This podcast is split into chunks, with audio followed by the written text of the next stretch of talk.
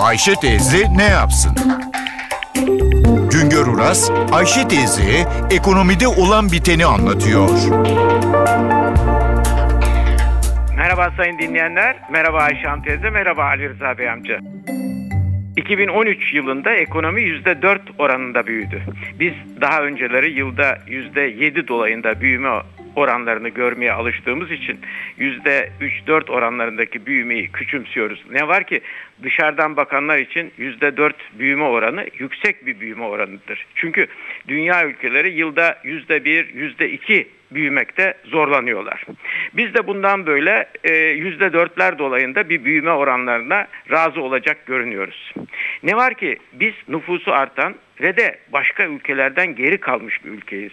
Nüfus artışı nedeniyle yüzde dört büyüme kişi başı milli gelir artışına çok az katkı sağlıyor. 2013 yılında sabit fiyatlarla yüzde dört büyüdük ama sonuçta sabit fiyatla kişi başı milli gelir artışı yüzde 2,8 oldu.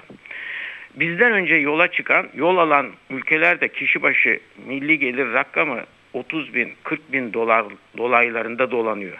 Biz ise son 6 yıldır kişi başı 10 bin dolar milli gelir tuzağından kurtulamıyoruz. İşte bunun için büyüme oranının daha büyük olması arzu ediliyor.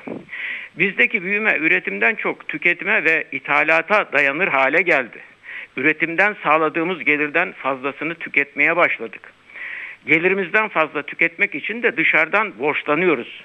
Cari açık, döviz açığı veriyoruz. Borçlanarak yaşıyoruz. Borcu yatırıma ve üretime yöneltecek yerde tüketiyoruz. 2000 13 yılında ekonominin lokomotifi imalat sanayi yüzde 3,8 oranında büyüdü. İnşaatta yıllık büyüme yüzde 7,1, ticarette yüzde 4,9, konaklama ve lokanta hizmetlerinde yüzde 9,2, finans kesiminde yüzde 9,8 büyüme gerçekleşti. Tarımdaki büyüme de genel büyüme oranının altında kaldı. Genel büyüme oranı %4 iken tarım %3,1 oranında büyüyebildi. 2013 yılında milli gelirin büyümesinin arkasında tüketim harcamaları ve kamunun harcamalarındaki artış var. Hane halkının yıllık tüketimindeki artış milli gelirin büyüme oranının üzerine çıktı. Tüketimde frene basılmasına, döviz fiyatlarındaki yükselmeye rağmen halkın yılın son 3 ayında harcama musluğunu aştığı anlaşılıyor. Aynı şekilde kamu harcamaları da yılın son 3 ayında hızlandı.